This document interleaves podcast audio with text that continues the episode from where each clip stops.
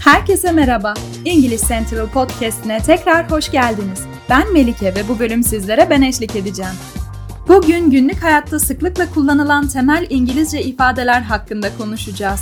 İngilizce öğrenmeye yeni başladıysanız bu bölümde temel ifadeleri öğreneceksiniz demektir. Başlayalım mı? İlk olarak klasik bir cümlemiz var. O da How are you? Birini selamlamanın ve halini hatrını sormanın en basit yolu How are you diye sormaktır. Bu soruya verilen tipik yanıt I'm fine ya da I'm good'dur. Örneğin, Hey Sarah, how are you today? I'm good, thanks for asking. How about you? İkinci ifademiz nice to meet you. Biriyle ilk kez tanıştığınızda tanıştığımıza memnun oldum demek kibarlıktır. Örneğin yeni biriyle tanışırsanız Hi, I'm John, nice to meet you diyebilirsiniz. Alacağınız cevap ben de seninle tanıştığıma memnun oldum anlamına gelen Nice to meet you too olacaktır. Üçüncü ifademiz ise Can you help me please? Yardıma ihtiyacınız olduğunda bana yardım eder misiniz lütfen ifadesini kullanmaktan çekinmeyin. Bu ifade destek veya rehberlik istemenin kibar bir yoludur. Diyelim ki bir mağazadasınız ve belirli bir ürünü bulamıyorsunuz. Bir mağaza çalışanına yaklaşıp Excuse me, I can't find this dress that I want.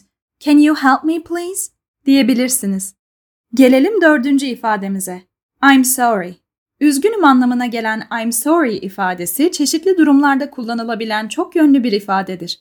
Bir hata yaptığınızda, yanlışlıkla birine çarptığınızda veya özür dilemek için bu ifadeyi kullanabilirsiniz. Diyelim ki trafik yüzünden bir toplantıya geç kaldınız. I'm sorry I'm late for the meeting. There was heavy traffic diyebilirsiniz. Beşinci ifademiz günlük hayatta en sık kullanılan thank you ve you're welcome. Birinin yardımına veya nazik bir jestine minnettarlığınızı göstermek için bu ifadeyi kullanabilirsiniz. Örneğin bir arkadaşınız size bir kitap ödünç verirse teşekkür etmek için thank you for lending me the book diyebilirsiniz. Yanıt olarak da you're welcome ifadesini duyacaksınız. Bir sonraki ifade biraz daha ihtiyaçlarımızla alakalı. Tuvalet nerede anlamına gelen where is the restroom ifadesine sıklıkla ihtiyaç duyabilirsiniz. Örneğin bir restorandaysanız bir personele excuse me, where is the restroom please diye sorabilirsiniz. Yedinci ifademiz ise İngilizce öğrenmeye başlayanların ilk öğrendiği cümle olan What's your name sorusu. Bu soru bir sohbet başlatmanın dostane bir yoludur. Gelelim son ifademize. Excuse me. Affedersiniz, pardon anlamına gelen bu ifade, birinin dikkatini çekmek veya sözünü kestiğinizde özür dilemek için kullanılan kibar bir ifadedir. Bu ifade çeşitli durumlarda kullanılabilir. Örneğin kalabalık bir yerde birinin yanından geçmeniz gerektiğinde veya yanlışlıkla birine çarptığınızda bu ifadeyi kullanabilirsiniz.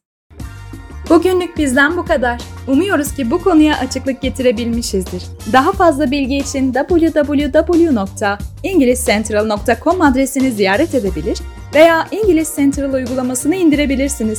Ayrıca metin kutucuğundaki linke tıklayarak İngiliz Central'a ücretsiz bir şekilde kayıt olabilir, ücretsiz deneme dersinizi planlayabilir ve 20 binden fazla video içeriğine erişim sağlayabilirsiniz. Bu bölümü beğendiyseniz bizi oynatma listenize eklemeyi ve bölümlerinize kaydetmeyi unutmayın. Dinlediğiniz için teşekkür ederiz. Tekrar konuşmak üzere.